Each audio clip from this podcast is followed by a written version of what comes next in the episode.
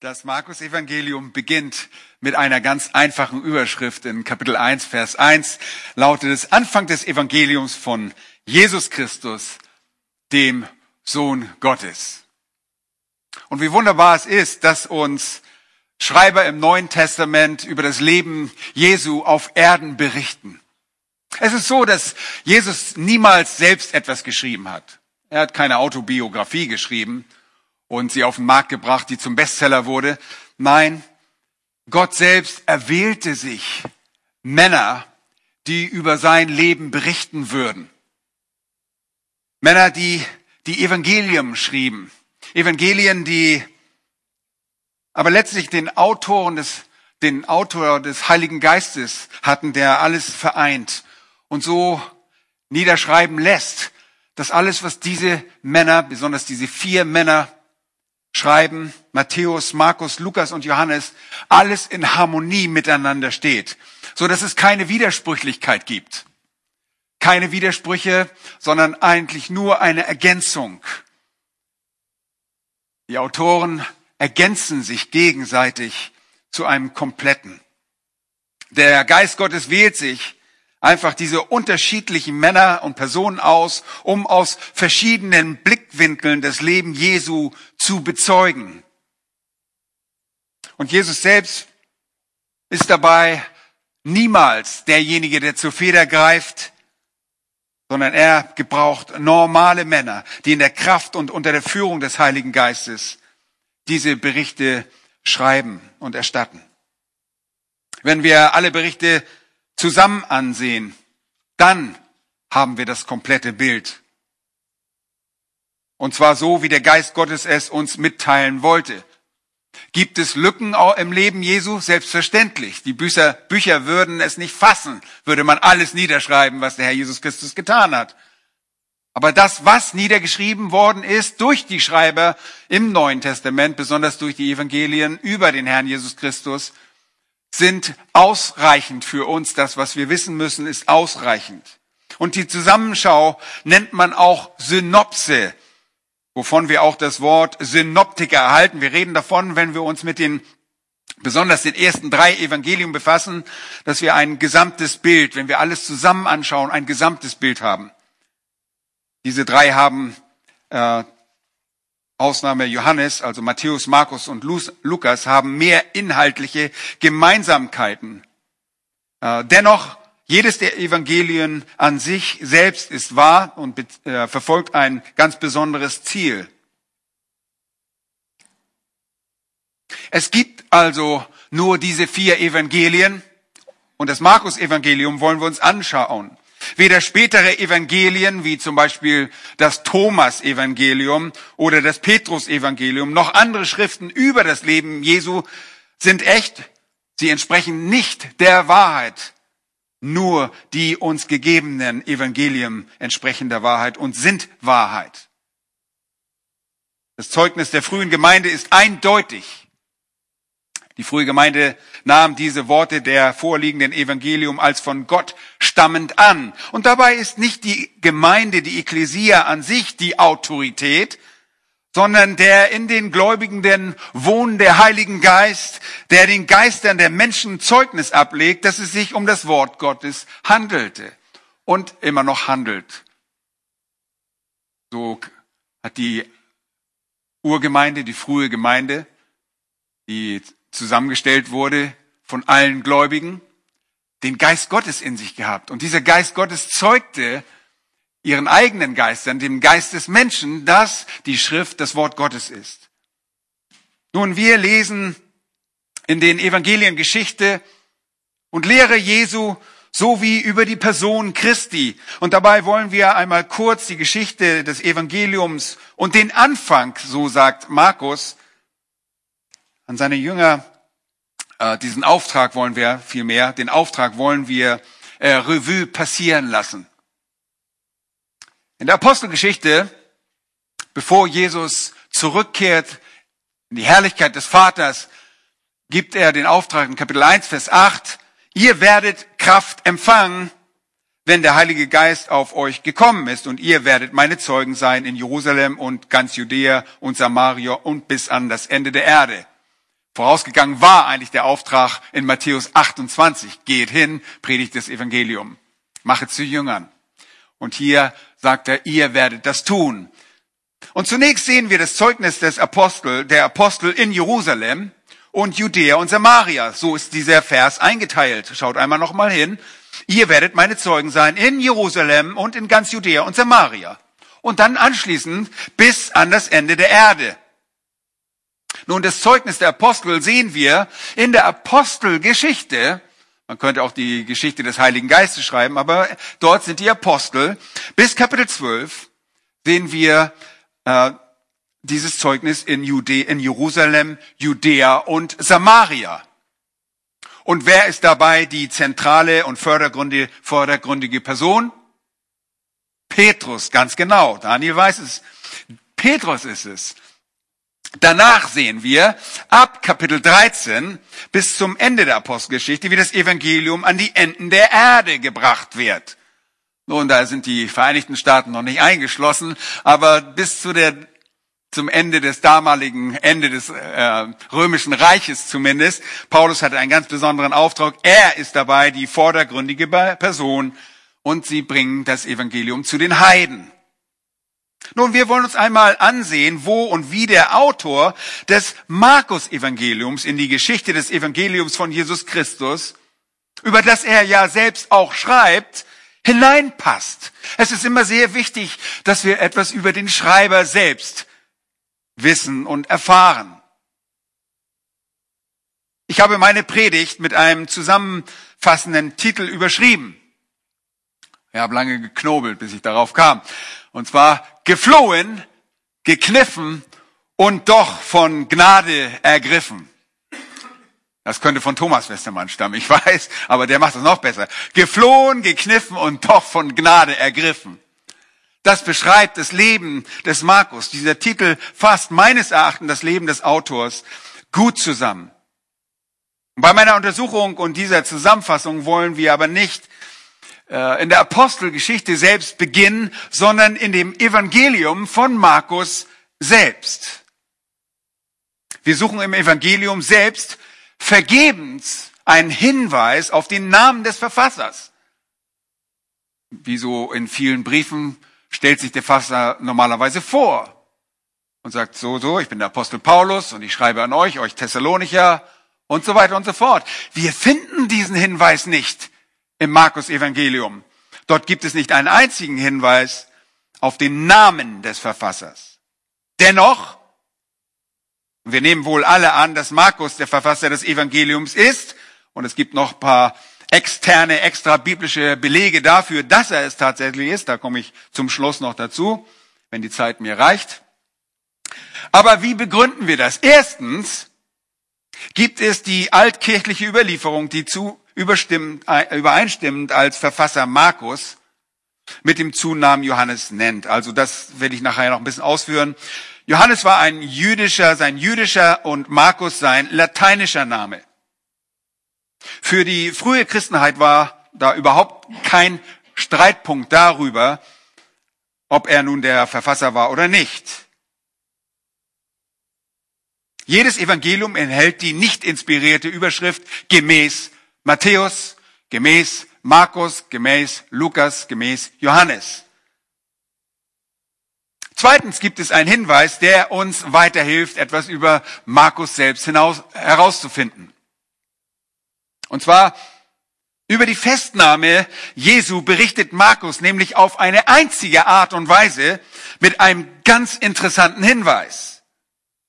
Und da heißt es in Markus 40, 14, 40 hat er nicht geschrieben, 14, Vers 50 zunächst bei der Gefangennahme Jesu, dass alle ihn verließen und flohen. Alle seine anvertrauten Freunde, seine Jünger flohen. Und dann heißt es in Vers 51, und ein gewisser junger Mann folgte ihm, der ein Leinengewand auf dem bloßen Leib trug, war sicherlich äh, warm genug, und die jungen Männer ergriffen ihn. Er aber ließ das Leinengewand zurück und entblößt floh er von ihnen. Nun, das ist ein Hinweis des Autors, wie er verdeckt und zurückhaltend auf sich hinweist. Diese Bemerkung ähnelt gewissermaßen einer Signatur auf einem Ölgemälde. Ja, ihr wisst alle, Ölgemälde, schönes, schönes Kunstwerk. Und wir fragen uns, wo ist denn der Künstler? Wer hat denn dieses Bild gemalt? Und dieser Künstler hat sich dann irgendwo in eine Ecke verewigt. Nun, wir wollen nicht aus dem e- Wort Ewigkeit eine Lästerung machen, aber er hat sich dort verzeichnet, damit man weiß, woher dieses Wort kommt.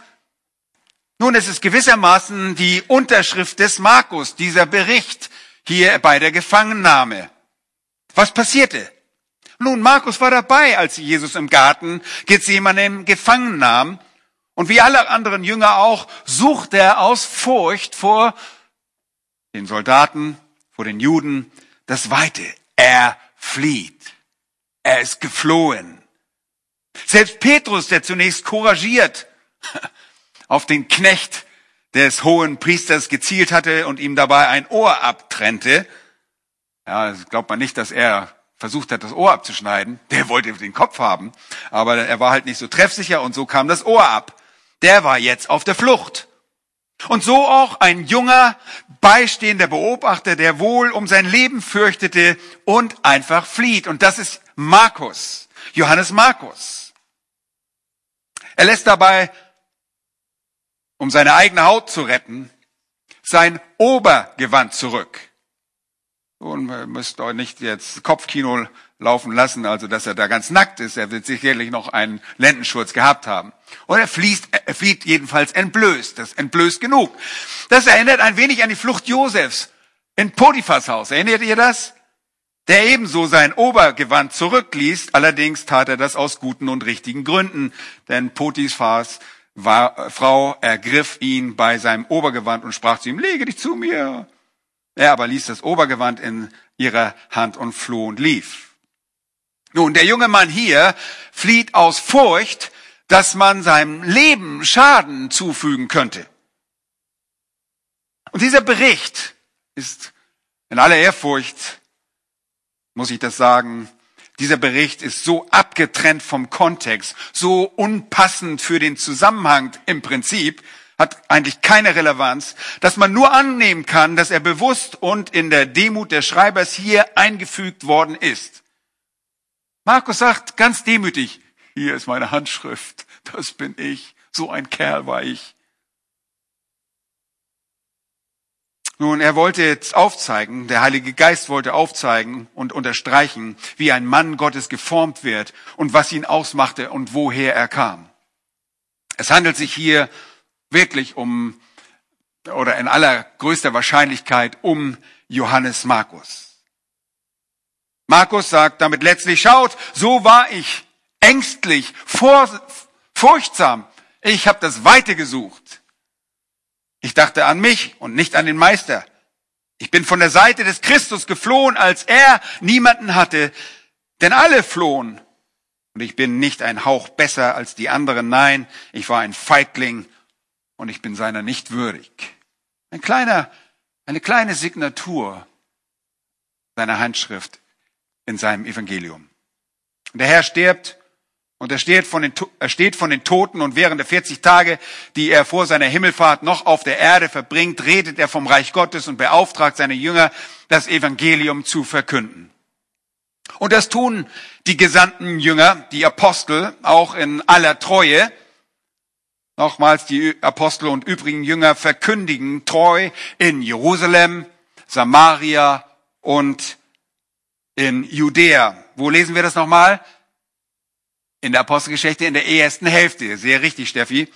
Äh, dort ist Petrus der Hauptverkündiger der Botschaft. Saulus ist zu Beginn der Gemeindezucht äh, nicht wiedergeboren, sondern er verfolgt die Gemeinde.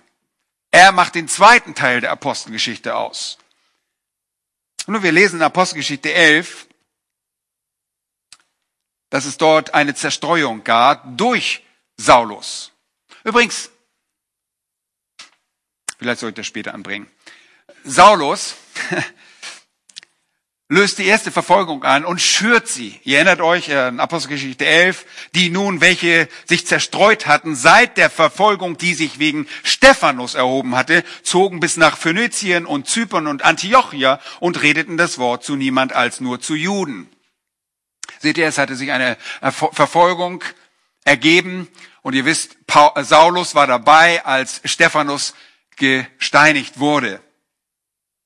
Nun, ein paar Jahre Danach beruft sich der Herr auch Saulus von Tarsus zum Apostel, den er dann von Damaskus zunächst nach Damaskus bringt, denn er ist auf der Straße nach Damaskus, um dort zum Glauben gekommene Juden zu verfolgen und sie nach Jerusalem zu bringen, um sie dort zu peinigen, beziehungsweise gegebenenfalls sogar zu töten.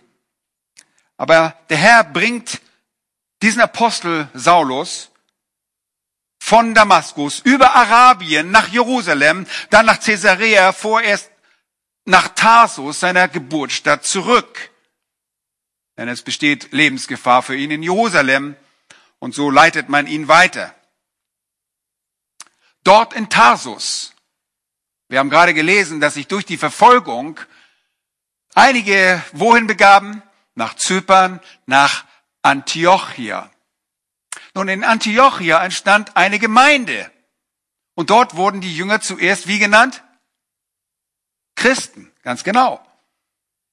Nun, dort gab es auf einmal so viel Arbeit, dass ein Mann namens Joses, den die Apostel Barnabas nannten, den Sohn des Trostes, dass er nach Antiochia ging und dort merkt, ich brauche hier Verstärkung.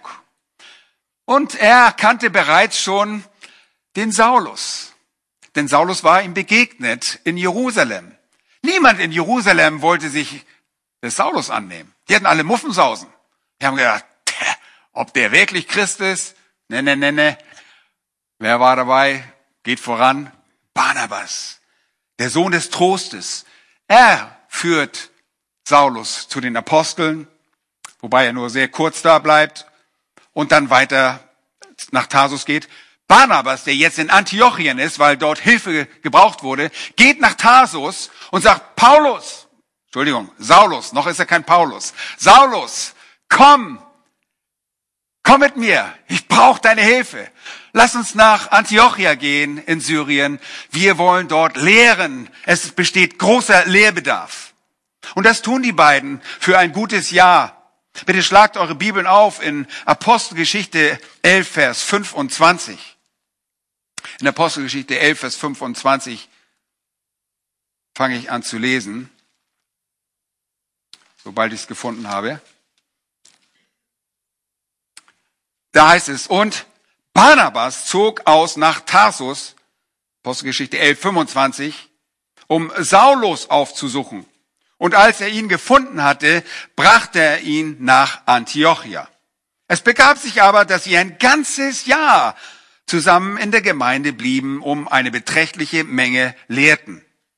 Und in Antiochia wurden die Jünger zuerst Christen genannt. Das habe ich euch bereits gesagt. Nun, in diesen Jahren passierte etwas ganz Besonderes. Wir schreiben das Jahr 44 und äh, während dieser Zeit passierte nicht nur eine Sache, sondern auch eine Hungersnot brach aus.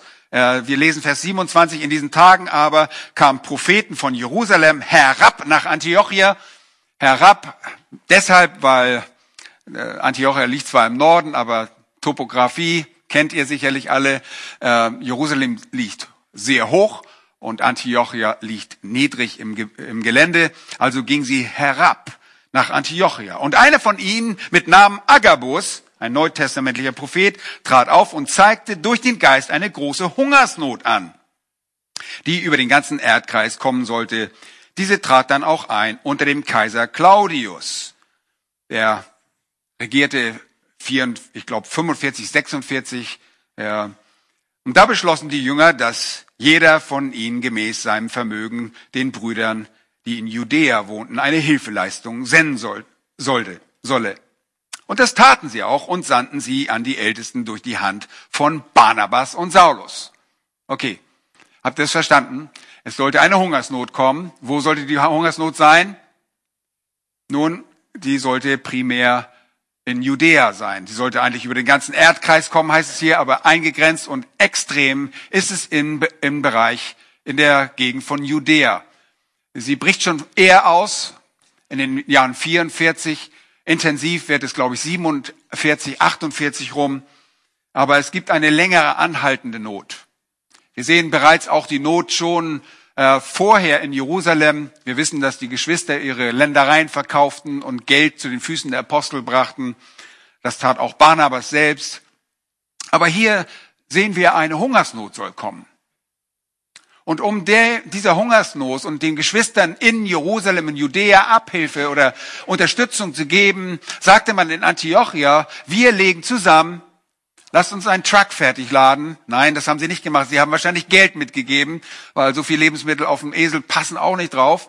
Äh, wahrscheinlich haben sie irgendwelche Gelder mitgenommen und sie haben geholfen, äh, dieser Not Herr zu werden. Eine Hilfeleistung. Sie sandten dafür Barnabas und Saulus. Nun, in dieser Zeit passiert Folgendes. Herodes, Antipas der Erste, der nicht so sehr beliebt war bei den Römern, der wollte sich ein bisschen Liebkind machen bei den Juden. Es ist schlecht, wenn du überall verhasst bist.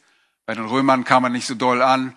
Und so hat er, wollte er sich irgendwo in dieses Herz der Juden, die ihn ja auch nicht so besonders liebten, denn er war von Herkunft ein Idumäer.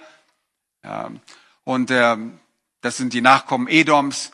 Ähm, so hat er versucht, sich bei den, bei den Juden irgendwo, ja, beliebt zu machen. Was tut er? Er tötet den ersten Christen.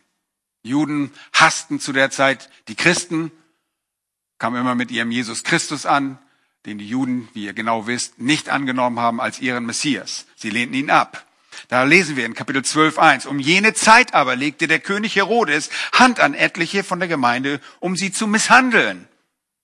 Und er tötete Jakobus, den Bruder des Johannes, mit dem Schwert. Hier sehen wir den ersten Märtyrer der Apostel. Nun, Stephanus war schon gestorben. Er war auch, wurde auch schon Märtyrer. Aber hier sehen wir den ersten Apostel Johannes, den äh, Jakobus, den Bruder des Johannes. Er wird mit dem Schwert getötet. Und wir lesen weiter, Vers 3. Und als er sah, nämlich Herodes, dass das den Juden gefiel, fuhr er fort und nahm auch Petrus gefangen. Und ihr sagt, meine Güte, du holst aber lange aus. Was willst du uns eigentlich sagen? Nun, ihr müsst diesen, diesen Kontext kennen, diesen Zusammenhang kennen, denn damit ist Markus, Johannes Markus vertraut. Petrus wird ins Gefängnis geworfen und wir kennen diese wunderbare Geschichte, wir beziehen uns manchmal darauf. Er kommt ins Gefängnis und äh, er soll auch dem Gericht übergeben werden und vielleicht sollte auch seinen Kopf rollen. Wir sehen das an der harten Strafe, die später auch die Gefängniswächter bekommen, als er aus dem Gefängnis äh, befreit wird vom Engel des Herrn. Nun, er sitzt im Gefängnis und Herodes, Antipas Erste, wartet, bis der Tag da ist, an dem er ihn verurteilen kann und sich wieder beliebt machen kann bei den Juden. Nun, in der Nacht allerdings kommt ein Engel des Herrn und er befreit Petrus auf wundervolle Art und Weise. Wir brauchen nicht ins Detail gehen. Petrus macht Folgendes. Er verlässt dieses Gefängnis und er kommt wohin? Nun, lasst uns sehen. Vers 12. Apostelgeschichte 12, Vers 12. Er besann sich und ging zum Haus der Maria, der Mutter des Johannes, mit dem Beinamen Markus. Hier taucht dieser Typ, dieser Autor das erste Mal auf. Und er ist selbst noch keine Größe, er ist ein Beisatz. Die Mutter ist bekannter als der Sohn hier heißt es, er ging in das Haus der Maria, der Mutter des Johannes, mit dem Beinamen Markus, wo viele versammelt waren und beteten. Und ihr erinnert euch, Petrus klopft dort an der Tür, Rode kommt an die Tür, macht nicht auf, ist total begeistert, geht überaus jauchzend und freudend zurück und die sagen, ja, ja, du bist von Sinn. Äh, Petrus ist im Knast, der ist nicht hier vor der Tür. Ja, ja, alles klar. Ist wahrscheinlich sein Engel. Ja, sarkastische Bemerkung vermutlich. Vielleicht ist das sein Engel, um sie zu vertrösten. Ja, nein, es kommt raus, er ist tatsächlich frei und er sagt, hey, er stellt sich ihn vor, erzählt alles und sagt, meldet das Jakobus. Jakobus war der Halbbruder des Herrn, er war eine Säule in der Gemeinde in Jerusalem, berichtet ihm davon, dass ich freigelassen worden bin. Nun, ihr könnt euch vorstellen, dass auch Markus, Johannes Markus dabei ist und hier eine Bekanntschaft hat mit Petrus. Ähm, es sind verschiedene Versuche unternommen worden, äh, auch zu beweisen, dass dieses Haus wohl zentral ist, auch für die äh, Treffen der frühen Christen. Ich glaube, das ist nicht so einfach, denn ihr wisst, dass die Gemeinde mittlerweile schon sehr groß ist in Jerusalem und dass es viele Häuser gab, in denen man sich traf. Aber eines dieser Häuser war definitiv das Haus der Mutter des äh, Markus, ja, von der Maria. Ähm, vermutlich war der Vater gestorben und so wird die Mutter allein erwähnt. Ja, wir sehen das Gebet der Gemeinde, die im Haus der Mutter des äh, Markus sich trifft. Nun, gleichzeitig findet diese Hilfeleistung statt. Und wir lesen am Ende des Kapitels weiter. Schaut bitte euch den letzten Vers an, beziehungsweise Vers 24. Und das Wort Gottes aber breitete sich aus und mehrte sich und Barnabas und Saulus kehrten von Jerusalem zurück, nachdem sie die Hilfeleistung ausgerichtet hatten und nahmen auch Johannes mit dem Beinamen Markus mit sich. Hier taucht er wieder auf. Jetzt kommt er tatsächlich als Person ins Spiel. Und ihr fragt euch vielleicht, ja, Mensch, wie kann das sein? Warum nehmen Sie den mit? Nun, ich kann mir vorstellen, dass er einen guten Eindruck gemacht hat.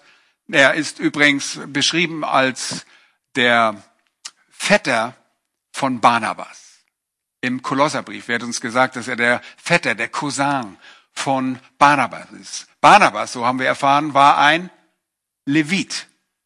Leviten sind diejenigen, die im Tempel dienten. Und so ist es sehr wahrscheinlich, dass auch Markus ein Levit war und dass er mit dem Dienen vertraut war. Und sie haben sich gedacht, hey, wir können einen Diener brauchen. Und genauso wird er auch dann in Kapitel 13, nachdem, auf die, in dem sie berufen werden zu der ersten Missionsreise, so wird er in 13 Vers 5 auch bezeichnet. Sie nehmen Johannes mit als Diener. Er ist niemand anderes. Er ist nicht ein Prediger, er ist nicht ein toller Redner, er ist nicht irgendwie ein besonderer Held, der hervorsteht. Vielleicht ein bisschen Wohlwollen von Barnabas dabei. Hey, lass uns meinen Cousin mitnehmen, ja. Der arme Kerl, ja, der sitzt immer nur bei Mama zu Hause. Den nehmen wir mit, ja. Und der hat im Tempel gedient. Komm, lass uns ihn mitnehmen. Und ihr wisst, Barnabas, Sohn des Trostes, er nimmt sich dieses Mannes an. Und er nimmt ihn mit. Nimmt ihn mit nach Antiochien, dort wird weiter gelehrt. Und Markus sitzt dabei.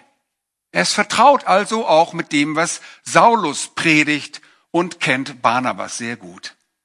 Er hat also nicht nur Petrus schon mal kennengelernt, obwohl das später noch von Bedeutung ist. Zunächst hat er auch Petrus kennengelernt in dem Haus seiner Mutter, aber jetzt ist Saulus und Barnabas dran. Kapitel 13, Vers 1 lesen wir, und in Antiochia, sie sind wieder zurück in den Norden, und ihr stellt euch das Mittelmeer vor, und dort gibt es diesen Knick dann in den Westen. Und dort auf der rechten Seite befindet sich Antiochia in Syrien.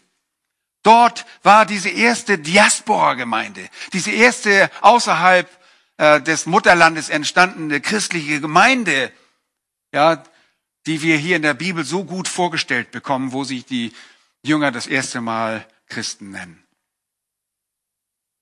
In Antiochia waren in der dortigen Gemeinde einige Propheten und Lehrer und die werden jetzt aufgezählt, nämlich Barnabas und Simeon, genannt Niger und Lucius von Kyrene und Manahen, der mit dem Vierfürsten Herodes erzogen worden war, und Saulus. Als sie nun dem Herrn dienten und fasteten, sprach der Heilige Geist, sondert mir Barnabas und Saulus aus zu dem Werk, zu dem ich sie berufen habe. Wir erinnern uns vielleicht an die Berufung des Saulus auf der Straße nach Damaskus. Und dann kommt er nach Damaskus und dort wird ihm auch gesagt, Dieser Mann muss für Könige treten, vor viele heidnische und äh, jüdische Leute und er wird Zeugnis sein. Ich werde ihm zeigen, wie viel er leiden muss. Jetzt wird er berufen zu einem neuen Werk. Ein Werk, zu dem ich berufen habe, sagt der Heilige, ist der Heilige Geist, sagt der Heilige Geist, sondert ihn mir aus. Und da fasteten und beteten sie und legten ihnen die Hände auf. Sie, praktisch die, äh, die Gemeinde identifiziert sich mit ihnen und sie ließen sie ziehen. Hier ist der Beginn der ersten Missionsreise. Und wer darf da mitreisen? Wir sehen es, wir lesen weiter. Diese nun, ausgesandt vom Heiligen Geist, zogen hinab nach Seleukia. Das ist die Ortschaft, die sich unmittelbar an der Küste äh, Antiochia ist noch ein bisschen ins Landesinnere hinein. Seleukia ist an der Küste und von dort fahren sie ab und nehmen ein Schiff und segeln nach Zypern. Zypern übrigens die Geburtsstadt des Barnabas. Okay? Des Leviten Barnabas. Und als sie in Salamis angekommen waren, verkündigten sie das Wort Gottes in den Synagogen der Juden. Sie hatten aber Johannes als Diener. Hier wird nicht Markus genannt, hier wird nur sein jüdischer Name gesagt. Das ist Johannes Markus. Er ist dabei. Er ist ein Diener. Und ihr könnt euch vorstellen, ja, damals im Zeitalter des Nicht-E-Mail-Versendens und kein Fax haben, äh, kannst nicht mal eben, sag mal, bestell dem Zimmer, dem, dem Hoteljungen da oder sag ihm mal, der soll schon mal mein Zimmer vorbereiten. Sie brauchten einen Diener. Sie brauchten jemanden, der ihnen dient. Und das war in diesem Fall einfach Johannes. Ganz nebenbei erwähnt, nicht im Vordergrund, er ist einfach ein Diener. Und dann schaut mal in 13, Vers 6. Und als sie die Insel bis nach Paphos durchzogen hatten, trafen sie einen Zauberer. Und jetzt wird es richtig hart. Es wird richtig hart. Der Dienst wird hart. Und sie einen Zauberer und falschen Propheten an, einen Juden namens Bar Jesus. Und ich sage an dieser Stelle euch, merkt euch das. Sie treffen an dieser Stelle Jesus und Paulus an. Hä? Jesus und Paulus? Ja. Bar Jesus und Sergius Paulus. Den Statthalter, den Landvogt, den Prokonsul. Okay, diese beiden treffen sie. Merkt euch das. Der heißt Sergius Paulus. Und von der Stelle an wird Saulus immer Paulus genannt. Okay? Danach, als sie als Paphos weggehen, ist Saulus immer Paulus. Vorher ist er immer Saulus. So können wir uns das merken.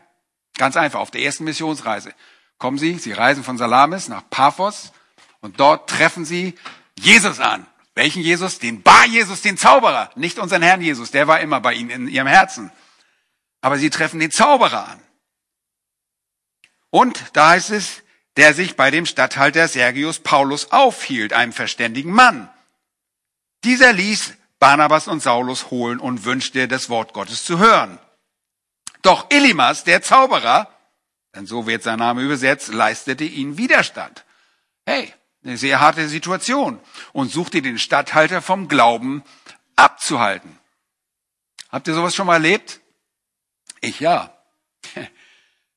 Gibt es jemanden Zeugnis? Und da gibt's, kommt immer jemand, der versucht, das zu stören? Das habe ich schon oft erlebt. Dass Leute nicht Interesse haben, dass jemand zum Glauben kommt. Wer steht dahinter? Unser Kampf ist gegen nicht Fleisch und Blut, sondern die Fürstentümer und Gewalten. Gut, gehen wir weiter. Vers 9. Saulus aber, der auch Paulus heißt, seht ihr, voll Heiligen Geistes blickte ihn fest an und sprach, O du Sohn des Teufels, voll von aller List und voller Bosheit, du Feind aller Gerechtigkeit, wirst du nicht aufhören, die geraden Wege des Herrn zu verkehren? Und nun siehe, die Hand des Herrn kommt über dich und du wirst eine Zeit lang blind sein und die Sonne nicht sehen. Augenblicklich aber fiel Dunkel und Finsternis auf ihn und er tappte umher und suchte Leute, die ihn führen könnten. Als nun der Statthalter sah, also dieser Prokonsul, dieser Landvogt, sah, was geschehen war, wurde er gläubig, betroffen von der Lehre des Herrn. Paulus und seine Gefährten aber fuhren von Paphos ab und kamen nach Perge. Und achtet auf diesen Vers, Vers 13. Leicht zu merken. 13, Vers 13. Okay? Ich bin immer so magisch mit diesen Zahlen. 13, Vers 13. Merkt euch das. Paulus und seine Gefährten fuhren von Paphos ab. Und das ist auf der Insel Zypern Und jetzt geht es nach Pamphylien. Und zwar nach Perge. Johannes aber trennte sich jedoch von ihnen und kehrte wohin? Nach Jerusalem zurück. Jetzt sehen wir den zweiten Teil. Er flieht nicht nur im Garten Gethsemane bei der Festnahme, sondern er kneift auch. Der ist ein Drückeberger. Das ist ein, nicht nur ein Feigling, sondern jetzt werden, wird ihm das auch noch zu kompliziert und er haut ab. Und er geht nicht nach Antiochien. Nein, nein, da würden sie sagen, warum bist du denn wieder abgehauen? Wo sind denn die anderen? Seid ihr schon fertig? Nein, er geht nach Jerusalem zu Mama. Mama Maria wartet. Die kocht besser. Ja, da muss ich nicht so viel. Nein, er flieht. Er flieht. Er verlässt diesen Dienst. Er geht als einer, der kneift, wieder zurück nach Hause. Nun, was passiert mit diesem Mann? Er ist Diener und er geht zurück. Was passiert mit ihm? War es das? Nun, wir lesen später von ihm. Es kommt zu einer Auseinandersetzung zwischen Paulus und Barnabas. In der Zwischenzeit gehen Paulus und Barnabas auf Missionsreise, legen gute zweieinhalbtausend Kilometer Reise zurück, und das nur Luftlinie, kommt zurück nach Antiochien. Es gibt ein Problem durch äh, Judaisten und es gibt ein Konzil in Jerusalem. Dort gehen auch Paulus und Barnabas hin. Sie sind dort äh, die Überbringer wieder der Botschaft, dass die zurückgeht an Antiochien. Es gibt ein Problem in Antiochien und sie sagen, wir müssen nachfragen, was sagen die Apostel, was sagen die Ältesten. Ich scheue mich immer ein bisschen, ihr wisst ja schon, dass das Apostelkonzil zu nennen, weil dort der entscheidende Mann wirklich der Halbbruder unseres Herrn Jesus Christus, Jakobus, das letzte Wort hatte. Also dieses Konzil ist dazwischen im Jahre 49 ungefähr. Die erste Missionsreise dauerte von 46 bis 48. Es variiert manchmal.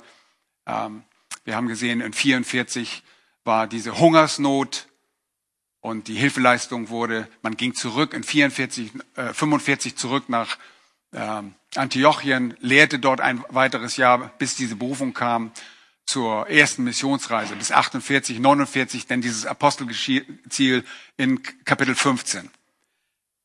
Jetzt soll es weitergehen.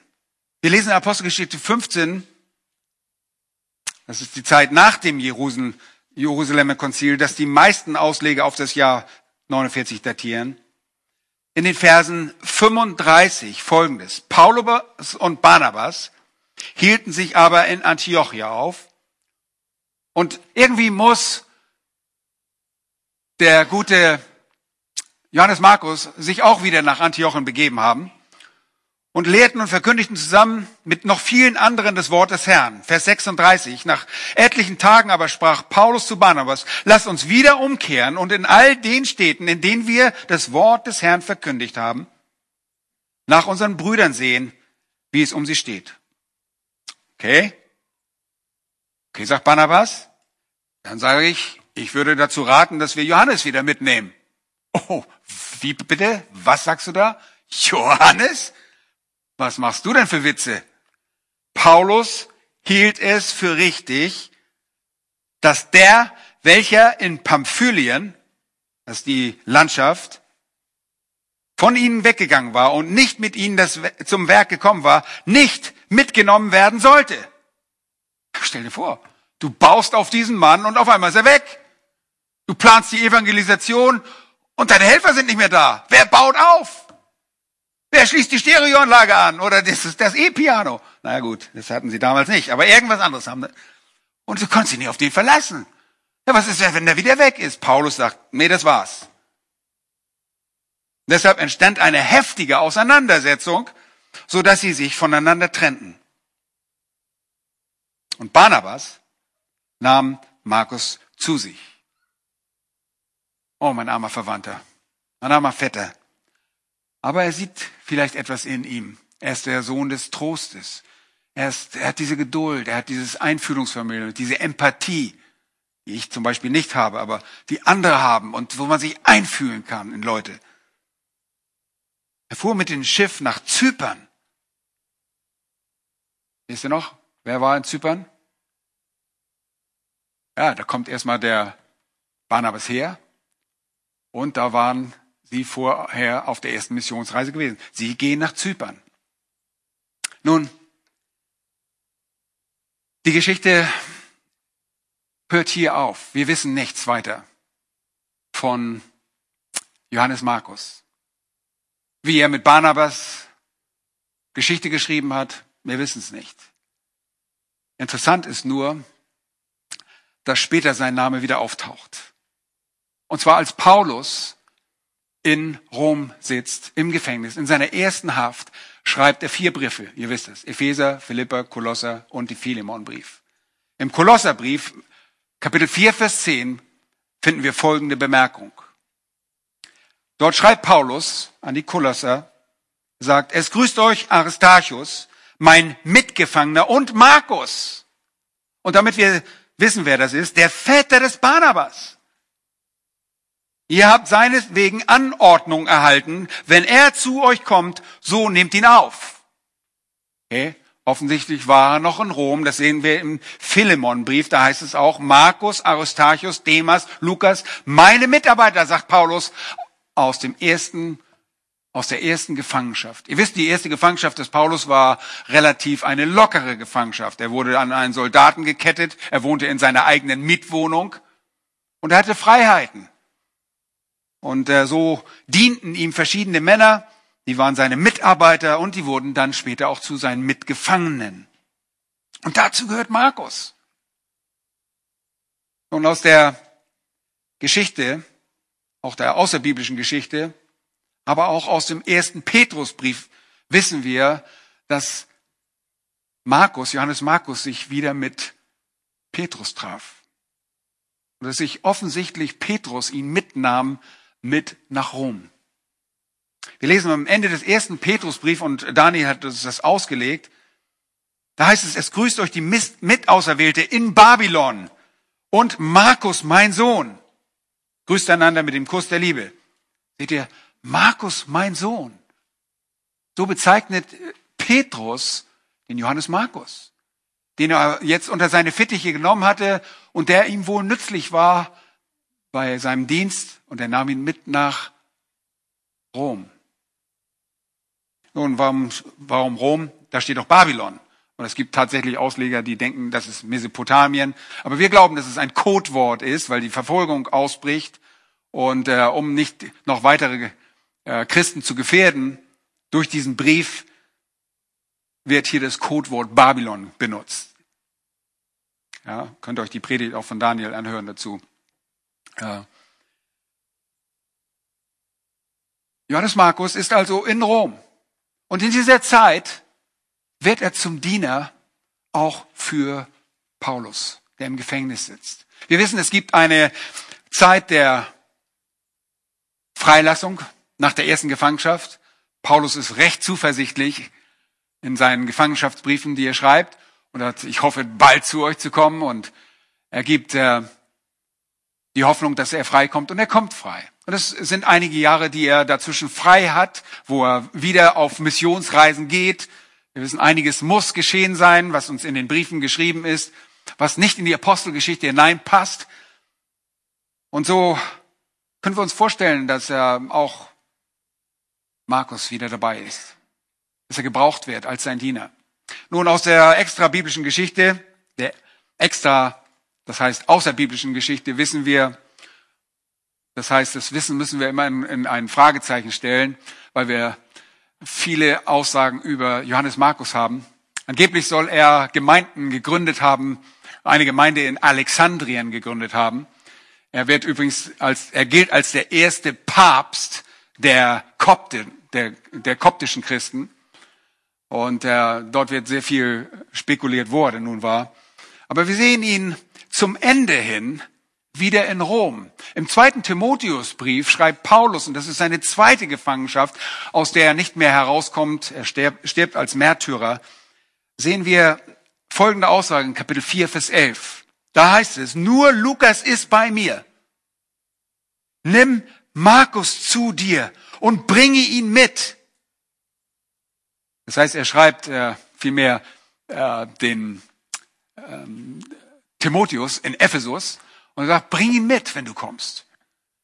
Und aus, aus dem Kolosserbrief sehen wir, er muss irgendwo auf dem Wege sich an, äh, in Kolosse gewesen sein.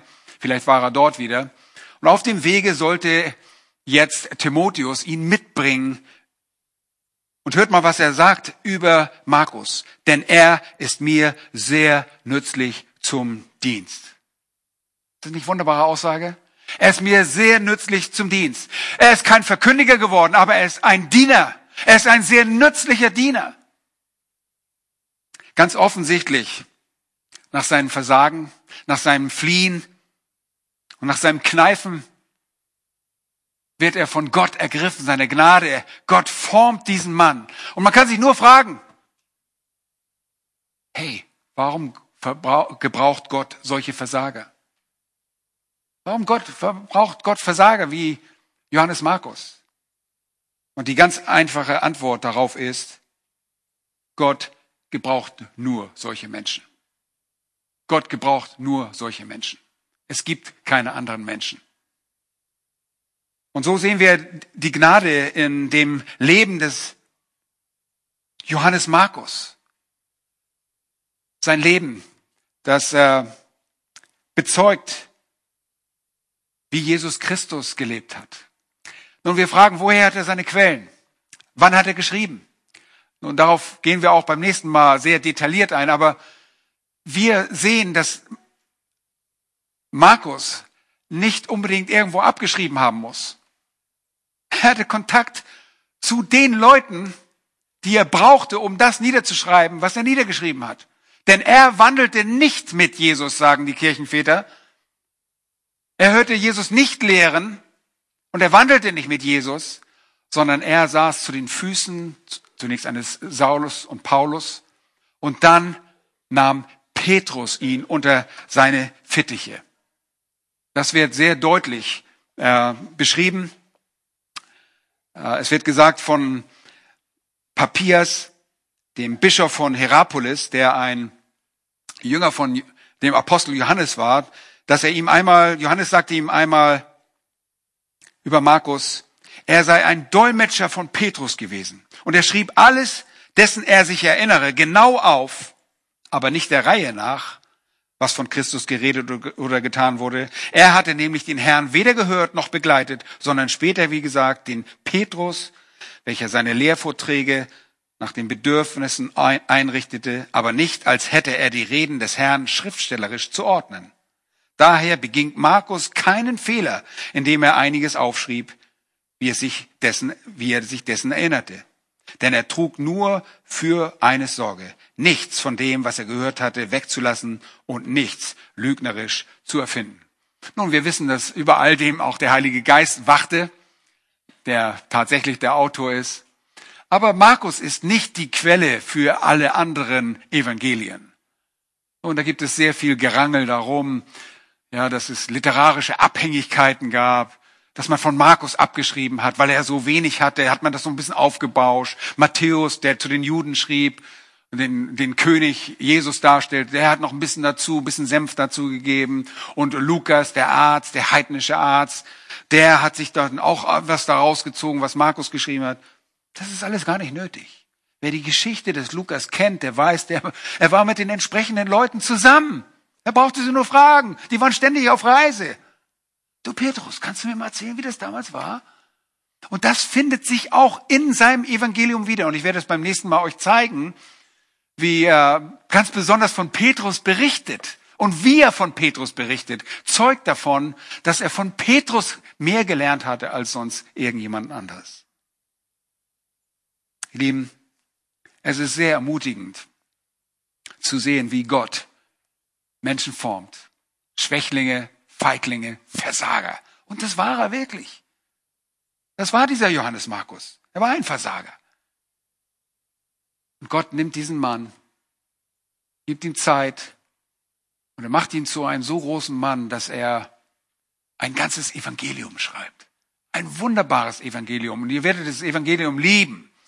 Dieses Evangelium hat weniger große Reden, sondern ist voll gespickt mit Wundern.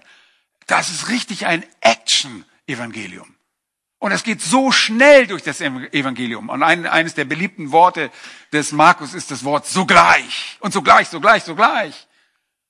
Und das geht wie ein D-Zug geht es durch, äh, durch die Geschichte des Herrn Jesus Christus, bis dieser D-Zug langsam in den, in den Hauptbahnhof einfährt. Und dieser Hauptbahnhof ist gewissermaßen der Tod des Herrn Jesus Christus. Und er wird langsamer und langsamer und er, er gebraucht mehr Kapitel für den Tod und die Auferstehung als die Wunder. Da rast er gewissermaßen durch. Und ich freue mich darauf, dass wir dieses Evangelium zusammen anschauen können. Und beim nächsten Mal werden wir uns auch damit beschäftigen, was das Wort Evangelium eigentlich bedeutet. Nicht nur für uns, die wir immer einen christlichen Vor Vorwissen vielleicht haben, aber was es bedeutet, dieses Wort auch für die Heiden. Konnten die Heiden was mit dem Wort Evangelium anfangen? Ja, das konnten sie. Und das werden wir beim nächsten Mal uns anschauen.